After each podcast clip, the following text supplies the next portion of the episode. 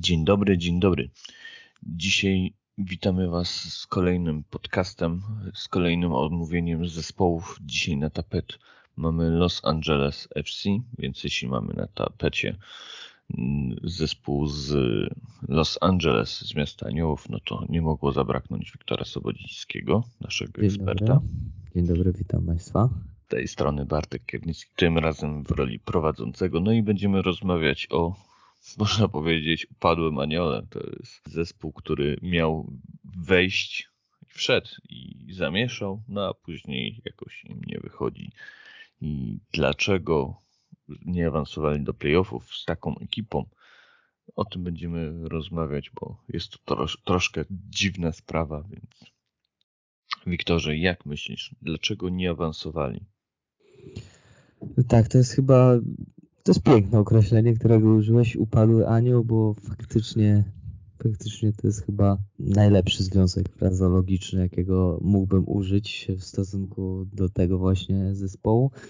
Nie, słuchaj Bartku, no to, że ta maszyna się zacięła, to widzieliśmy już w roku 2020, w tym okrojonym sezonie 2020, że tam coś, coś nie działa, coś nie styka i o ile w 2020 roku, w tym, tym bardzo dziwacznym sezonie mogliśmy powiedzieć tak, to jest, to jest na pewno wynik, bo to jest potencjalnie wynik, może w ten sposób pandemii koronawirusa, tak teraz już nie mamy chyba wątpliwości, że, że, ten, że ten schemat, że ten po prostu model drużyny się po prostu wypalił i, i przez to też poleciała po tym nieudanym kompletnie, bo tak trzeba określić, jeżeli LAFC nie wchodzą w ogóle do playoffów, to jest totalnie katastrofalny sezon, bo z takim składem no nie mieli prawa nie wyjść do tych playoffów, zwłaszcza, że jest tam teraz tyle aż drużyn, tak, Tutaj nie cztery drużyny się kwalifikują do playoffów, jak to kiedyś bywało, tylko aż siedem drużyn, więc tutaj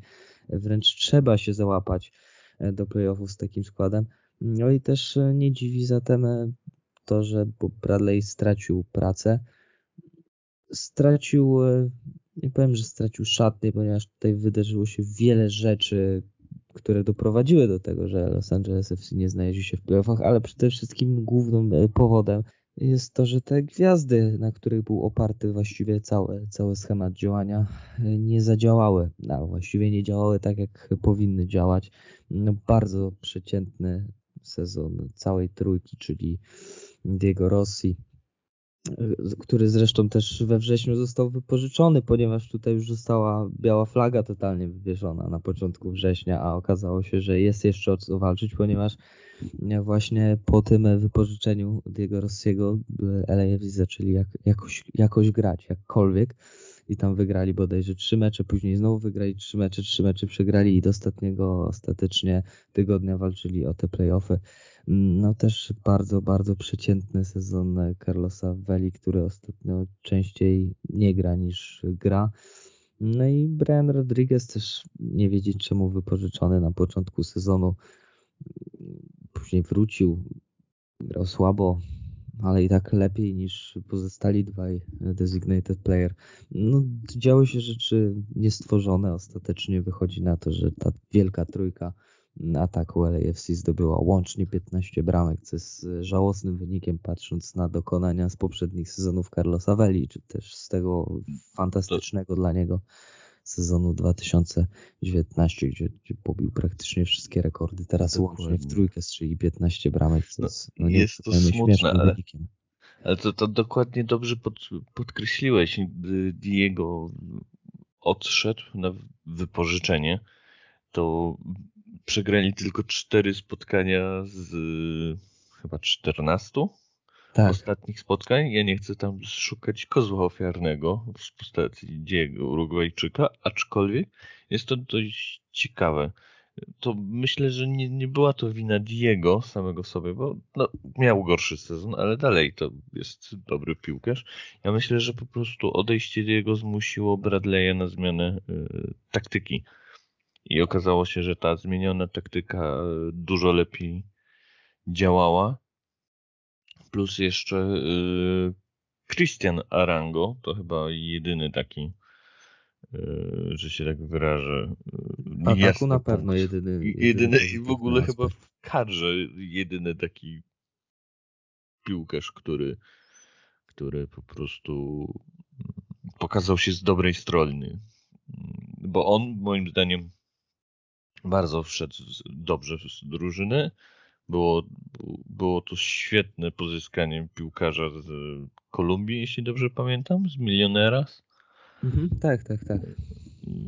No, y- to jest tak, on jeszcze nie jest stary, on ma dopiero 26 lat, więc ja myślę, że on, jeśli go utrzymają, to on będzie dawał radość reprezentacji Los Angeles dość długo. No i mam nadzieję, że może też w reprezentacji Kolumbii coś pogra. A poza nim masz jakiś e, piłkarzy do pochwalenia? Tak, tutaj powiem Ci szczerze, że tak jak przed sezonem rozmawialiśmy wiele, jak ta podstawowa jedenastka może wyglądać. Ja tak nieśmiało dosyć zaproponowałem Jose e, Cifuentesa, tak właśnie ten piłkarz to jest e, dla mnie jeden z nielicznych pozytywnych, pozytywnych ogniw. Może nie zabrzmiało to najlepiej, ale naprawdę Jose Cifuentes, czyli 22-letni, już niedługo 23-letni Ekwadorczyk, to jest dla mnie mała, mała sensacja poprzedniego sezonu, ponieważ on naprawdę w tych trudnych warunkach wyszedł i, i nie zawodził. Zrobił naprawdę fajne liczby, bo wcześniej tych, tych liczb nie robił. No tam powiedzmy, że 5 i 6 to nie są jakieś oszałamiające liczby, natomiast no to jest środkowy pomocnik, więc to są naprawdę solidne liczby i na tle swoich e, partnerów z boiska, z, ze środka pola, no wyróżnił się zdecydowanie in plus i liczę, że poprawi jeszcze w tym, w tym sezonie swoje liczby. Bo no, naprawdę powinien, powinien grać w podstawowej 11 i, i właśnie tak, poprzedni to... sezon e, to pokazał, że, że się nadaje i to... że się nadaje bardzo dobrze do tej ligi. Być może jeszcze gdzieś tam dalej pójdzie, bo mało jest tych e, solidnych Ekwadorczyków, a to jest na pewno solidny Ekwadorczyk już na poziom reprezentacyjny nawet. No on już tam chyba z 2-3 mecze już grał dla reprezentacji i myślę, że dobry dobry poziom Los Angeles mu pomoże wrócić na orbitę zainteresowania. Okej, okay, a bo jeszcze mieliśmy dwóch yy, dwóch homegrown, czyli yy, dla słuchaczy wychowanków. To wychowankowie mają specjalny status. W, tak, tak, oczywiście. W Los nie w Los Angeles, tylko w całym MLS, bo oni po prostu inaczej liczą się do salary cap, więc e, oparcie klubu na wychowankach to też jest ważna rzecz, która daje dużą przewagę niektórym klubom, e, dzięki czemu po prostu mają lepsze wyniki, bo mogą więcej wydać na innych piłkarzy. No i ja mam tu zapisanych dwóch takich e, bardzo ciekawych wychowanków, którzy, znaczy mhm. oczywiście dużo wychowanków grało dla Las Vegas, bo tam chyba siedmiu zostało, albo dziewięciu wypożyczonych do Las Vegas. Więc tu też fajnie, że sobie znaleźli klub afiliacyjny i wypożyczają tych chłopaków i dużo tam gra. Ale wróćmy do e, MLS, więc tu mam zapisane dwa nazwiska. Tomas Romero, to jest bramkarz urodzony w USA, aczkolwiek jest reprezentantem Salwadoru mhm. z pochodzenia. Dokładnie. No, to jest człowiek, który mnie mocno zaskoczył. Znaczy ja wiem, że on przed sezonem wiedziałem, że to jest chłopak z wielkim talentem i on prędzej czy później tam do MLS będzie pierwszym bramkarzem. No ale 20 wtedy jeszcze lat i... Nie, tak, tak, tak. Tak, tak wtedy miałeś, jak zadebiutował, no dla mnie jest to dość duże zaskoczenie, że to wygryzł po prostu mhm, pierwszego bramkarza, prawda? I, mhm, e, no? Dokładnie, tutaj Wermer praktycznie chwilę przed sezonem e, zmienił właśnie barwę i poszedł do Cincinnati. No ale nie wiem, czy to na znaczy na dłuższą metę to jest na pewno dobre działanie, ale nie wiem, czy na ten sezon wrzucenie właśnie Tomasa Romero to było, to było dobre posunięcie, ponieważ tutaj wielokrotnie brakowało jednak doświadczonego golkipera, brakowało tam tej chłodnej głowy z tyłu.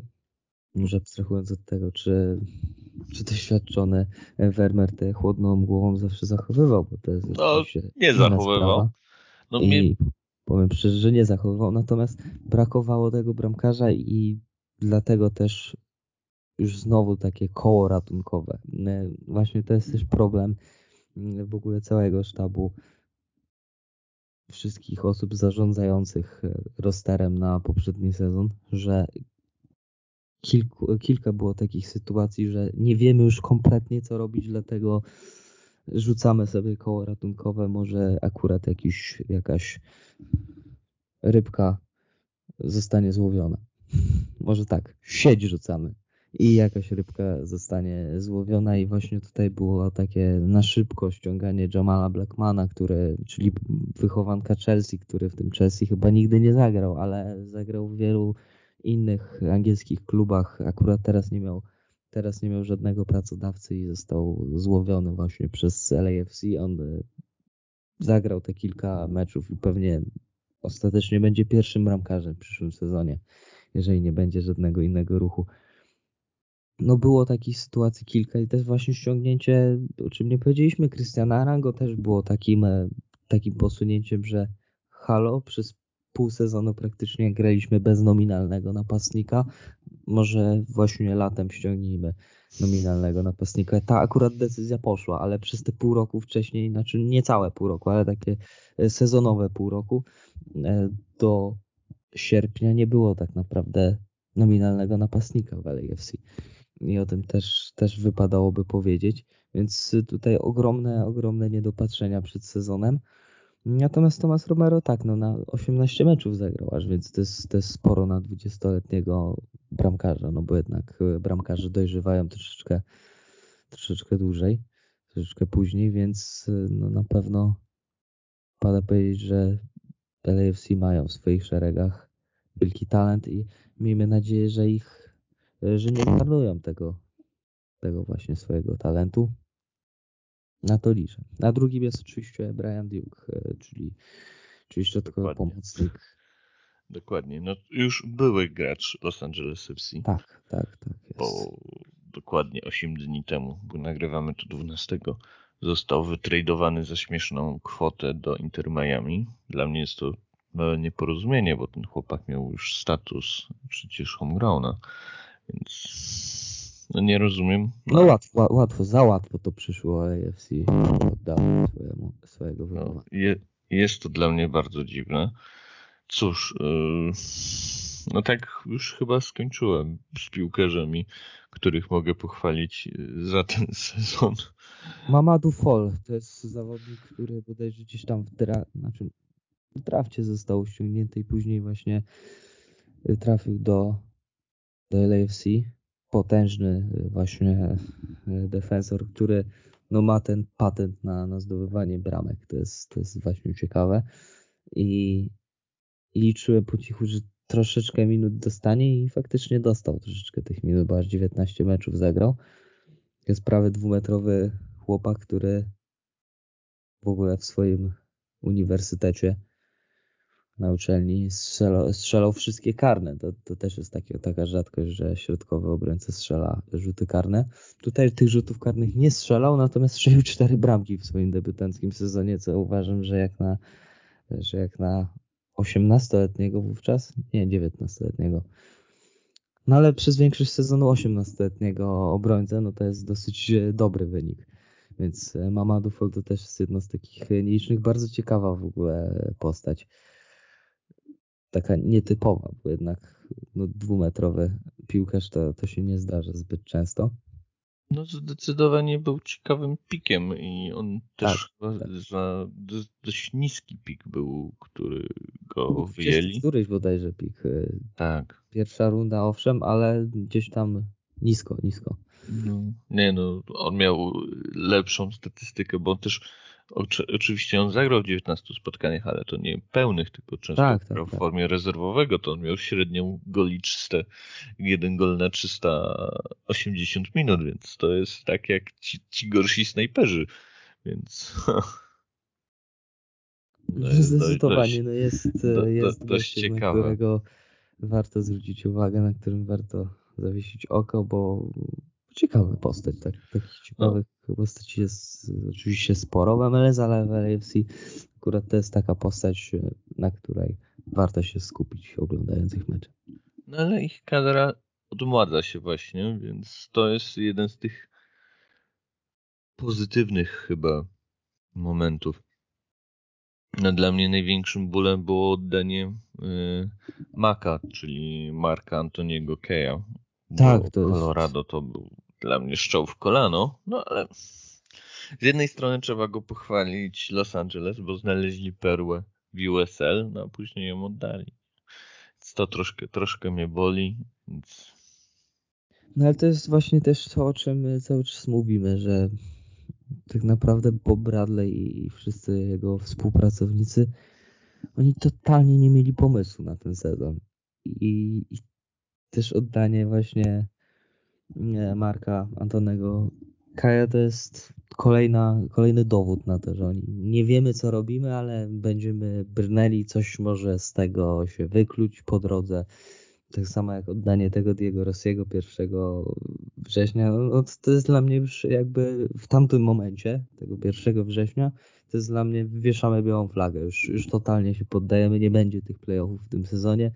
Y, może zróbmy tak, jak robi się w NBA, czyli zajmijmy jak najniższą pozycję i będziemy mieli wyższy pik w drafcie. Oczywiście tutaj żartuję, ponieważ no, w MLS nie ma to większego sensu, ponieważ ten super draft jest traktowany jednak po macoszemu. Natomiast no, naprawdę cały sezon pokazuje, że totalnie nikt nie miał pomysłu na ten sezon i to jest bardzo przykre, że jednak taki klub, który przez od początku swojego, co prawda krótkiego istnienia, jednak walczył o najwyższe cele, tutaj tutaj jednak ta strategia przed tym sezonem, no to jest, to jest klapa, to jest totalnie totalnie zawalony egzamin i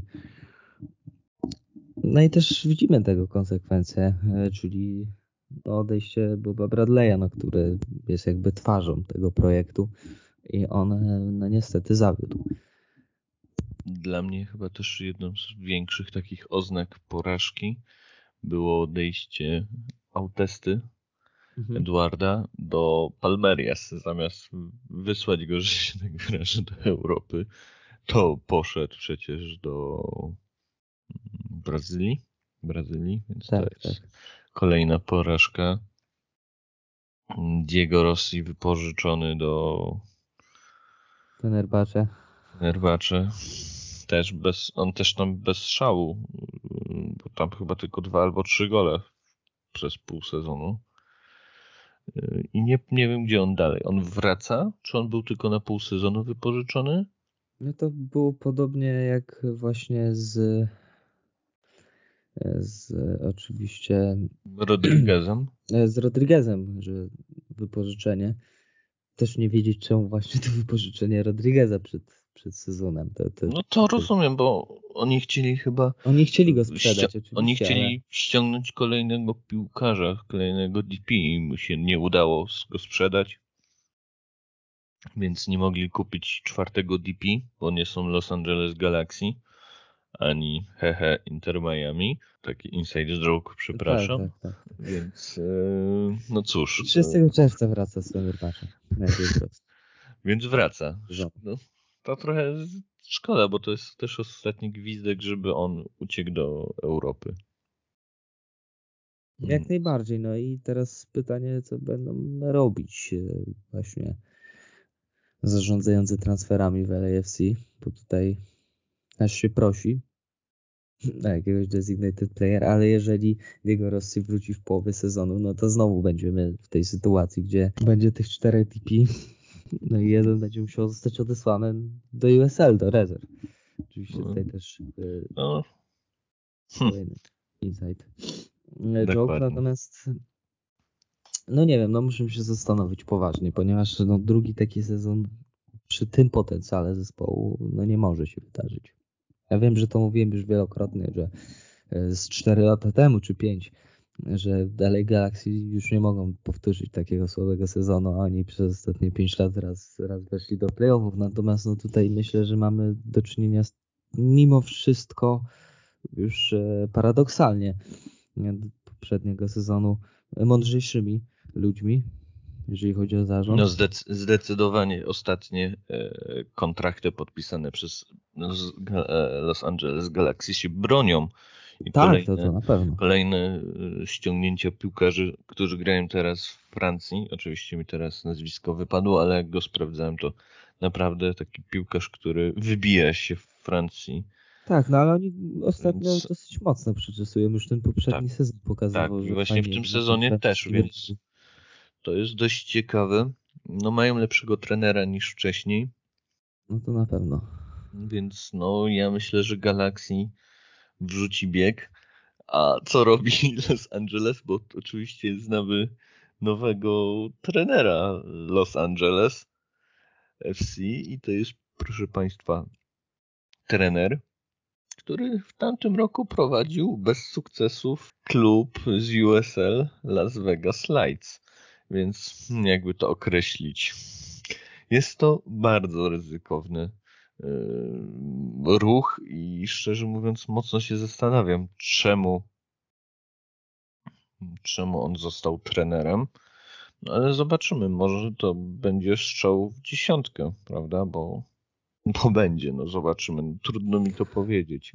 Słuchaj, no wiesz, grał, grał w Hanowerze, grał w reprezentacji USA. Ostatnio tacy trenerzy są e, modni, po prostu jakoś tam wodarze uznają, że jeżeli ktoś był dobrym piłkarzem, to będzie dobrym trenerem. Pozdrawiam oczywiście Fabio Cannavaro, który e, był fantastycznym piłkarzem. E, natomiast no, rzeczywiście taka decyzja dosyć, dosyć zaskakująca ponieważ no oczywiście zgadzam się, że właśnie Sherundolo, e, czy nie, nigdy nie wiedziałem jak się czyta tego nazwiska, to jest takie dosyć, e, dosyć mało amerykańskie nazwisko. Zwłaszcza kiedy w ogóle, to tak abstrahując e, i tutaj robiąc sobie taką drobną dywersję od głównego tematu. No zawsze myślałem, że to jest ciemnoskóry piłkarz, a okazało się kiedyś, że, że jednak nie, że jednak tutaj w FIFA już 10 e, e, te moje wątpliwości zostały rozwiane.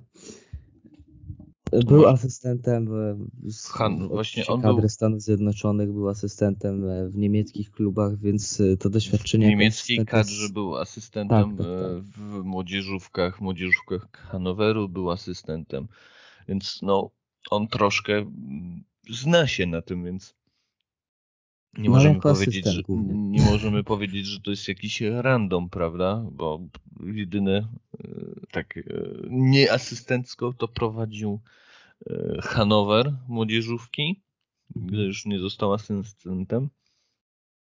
Później był asystentem w, dla reprezentacji USA, a później dla reprezentacji Niemiec młodzieżówek, tam chyba do U15 albo U17. Więc no, na pewno jest to wielki piłkarz, jeśli chodzi o mm, te dawne lata, jak grał w Bundes, bo on dla 96 Hanower y, tam prawie albo 400, albo 500 spotkań rozegrał, więc to ogromny, ogromna ilość spotkań w Bundes. No, dla reprezentacji też dużo pograł, więc to nie jest na pewno, to nie był na pewno słaby gracz.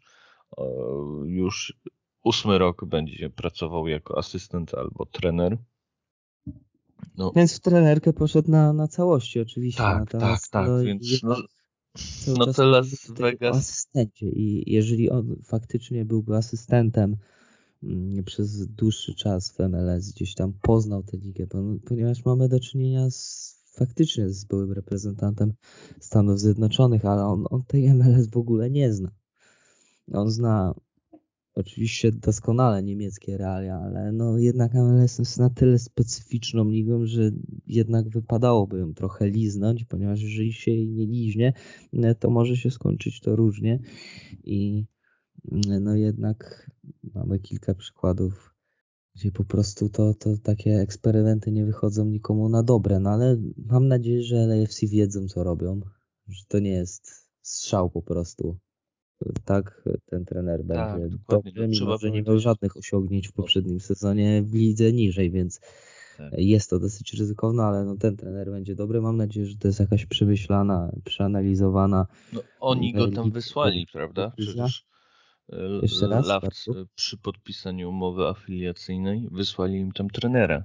Mhm. Więc jest to ma, małe światełko w tunelu, że oni oni myśleli jako trenerzy no ponad półtora roku temu, więc a, widzisz, to jest, to jest bardzo... Tak, bo półtora roku sprawa. temu jak podpisywali umowę afiliacyjną, to właśnie go tam wysłali, że oni go jedną chyba z punktów umowy afiliacyjnej było to, że będzie trenował, no i od razu wysyłali tam chyba pięciu albo ośmiu piłkarzy, plus jeszcze młodzików z akademii. Więc on tam około 13 albo 12 graczy Los, e, Las Vegas Lights to byli gracze z... No tak, tak, z Akademii. Z Akademii albo po prostu tych ci graczy, którzy latali między pierwszym a drugim zespołem. Więc to jest ok, ale tak jak mówiłeś, on nigdy nie grał w MLS. Tak. Więc tu jest, no, jakby to powiedzieć, no jest małe ryzyko, że on się odbije od tej ligi. Wierzę, że nie. No miał rok, żeby nauczyć się, co to jest GAM tam DP, jak był Los, Las Vegas. Przepraszam, ja ciągle mylę te Las Vegas i Los Angeles z powodu początkowego prefiksu. Yy, więc no jest to całkiem możliwe, że on będzie naprawdę dobrym trenerem, ale to jest rzut kostką. To od bardzo słabego trenera do bardzo dobrego trenera, no bo on już jakiś tam warsztat ma. To, ta kadra też jest dość młoda i no, podobno Akademia Los Angeles FC też ma dobrą kadrę. Te młodzieżówki tam będą się z roku na rok przybijać. Może to nie będzie jeszcze przez najbliższe kilka lat poziom Philadelphia Union czy Dallas, ale podobno mają tam trochę parełek. No, z drugiej strony jest to bardzo bogaty piłkarsko rynek Kalifornia, więc no, wiem, że tam są trzy zespoły, które mogą walczyć o wychowanków, aczkolwiek no, jest to na tyle bogaty rynek, że ja myślę, że ci wychowankowie będą produkowani i no taki chłopak, który chłopak 42 mhm. latek, taki pan, który ma jakieś doświadczenie z, z młodzieżą, może będzie ich fajnie wprowadzał. Chociażby jeśli będą mieli więcej takich madufal, takich młodzików, którzy są nastolatkami, którzy będą mieli grać w podstawowym składzie, to może to będzie taki dobry znak. No. Jeszcze chcesz coś powiedzieć na koniec? Jak myślisz, co będzie w przyszłym sezonie? już chyba wszystko mówiliśmy. Tak, tak. No dosyć długo i naprawdę kompleksowo powiedziałeś nam o nowym trenerze, o nowym szkoleniowcu Los Angeles FC. Dałeś, rzuciłeś inne światło i to jest, to jest właśnie piękne, że ty masz zawsze te takie insight, y, wiadomości no, do których nikt inny nie dociera. Natomiast e, tak, e, faktycznie bardzo ważna sprawa, o której powiedziałeś, że od bardzo złego do bardzo dobrego trenera w MLS to jest, to jest naprawdę cienka linia i nawet nie powiem, że czerwona. Nie wiem, co się stanie w przyszłym sezonie, ponieważ totalnie jest dla mnie niewiadomą e, pan Steve, który który no nie ma właśnie żadnego doświadczenia jako pierwszy szkoleniowiec, nie był nigdy w tym MLS, nie wie jak się w tym MLS na pewno poruszać i będzie to robił e, na naszych oczach wszystko, będzie się uczył tej ligi. No i właśnie o ile na przykład Bob Bradley po czterech porażkach z rzędu był w stanie zrobić w poprzednim sezonie trzy zwycięstwa z rzędu, e, później dać jedną porażkę i znowu tam trzy razy wygrać. E, o tyle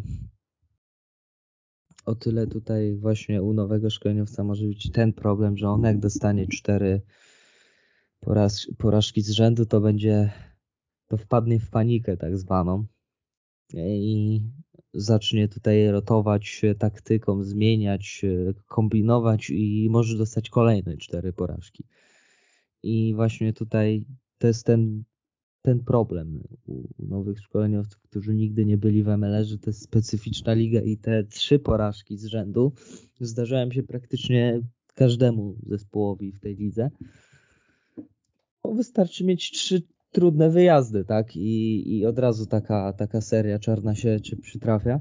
I trzeba wiedzieć sobie, trzeba wiedzieć jak sobie z tym radzić. I, i tego przede wszystkim życzę nowemu szkoleniowcowi, żeby zachowywał cały czas chłodną głowę, bo jednak bycie pierwszym trenerem, a bycie asystentem to jest różnica i bycie trenerem w MLS, a w USL to też jest potężna różnica, więc, więc przede wszystkim chłodnej głowy, ponieważ możliwości będzie miał ogromne.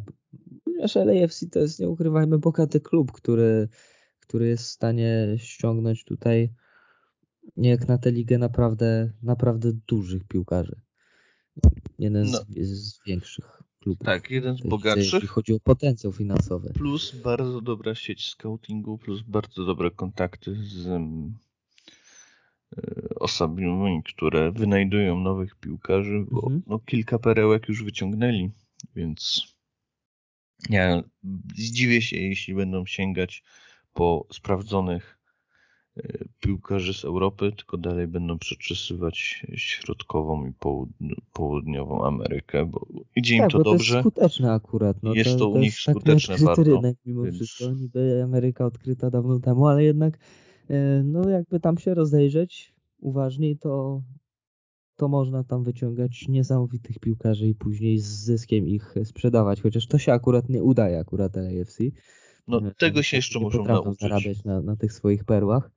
Tego jeszcze muszą się nauczyć. Jeśli to jest chyba najważniejsza rzecz, jeśli oni zaczną, już będą taką trampoliną, która poza tym podskakiwaniem i po możliwością pokazania tych grajków z Ameryki Południowej jeszcze ich przerzuci za wielką wodę, no to już to będzie moim zdaniem taki naprawdę bliski kompletnego klubu. Więc tymi chyba marzeniami możemy skończyć, które może się z, z urzeczywistnią, bo no, tak, tak, tak, oboje mówimy, Los Angeles FC ma ogromny Jeszcze potencjał. Tak kończąc, e, no to uważam, że playoffy to jest przymus. Które to będzie miejsce, to już jest taka loteria troszeczkę. E, I, i trafić, które miejsce może być LAFC, no raczej, raczej nie bardzo, natomiast uważam, że playoffy to jest przymus, ale to jest raczej miejsce od piątego do siódmego, tak realnie patrząc. No, ja myślę, że są takie zmiany teraz. E, dwa zespoły mają, będą miały wielką przemianę pokoleniową, czyli i Portland, i Seattle.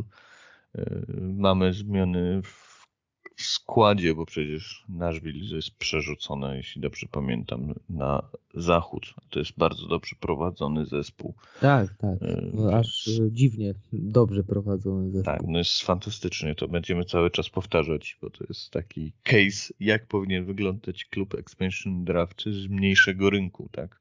Mhm. Więc to będziemy cały czas ich chwalić. Więc ja myślę, no Vancouver się polepsza, Colorado Rapids od dwóch sezonów nie wygląda jak Colorado Rapids, Cały bo oni ciągle robią mądre ruchy, mają dobrego trenera.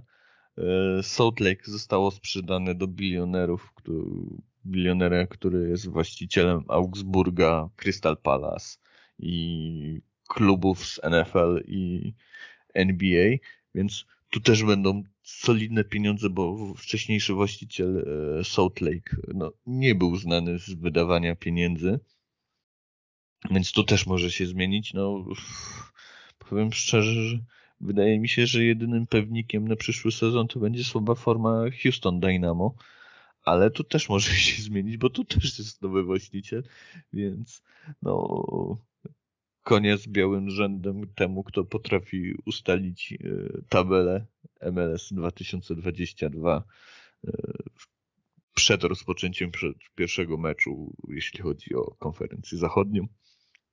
No na razie nic nie wiemy pewien. Na, na styczeń, na połowę stycznia, no tutaj cokolwiek wy wyróżyć, to, to, to, to... Jestem prawie pewien, że będą zaskoczenia. Miejmy nadzieję, że Jak dla Los Angeles FC pozytywne zaskoczenia. Tym, tą puentą zakończymy naszą rozmowę. Ja bardzo dziękuję naszemu stałemu specjaliście od miasta aniołów, czyli Wiktorowi Sobieldzińskiemu. Ja również dziękuję bardzo, bardzo przyjemna rozmowa Bartku. Jak zwykle fantastycznie przygotowany do rozmowy. Myślę, że powinien się zawodowo zajmować prowadzeniem. Bardzo śmieszne. Dobrze. Ja także dziękuję z tej strony Bartek Kiernicki. No i cóż, zapraszamy na kolejne podcasty, zapraszamy na teksty o kolejnych klubach, podsumowaniach do usłyszenia. Dziękuję.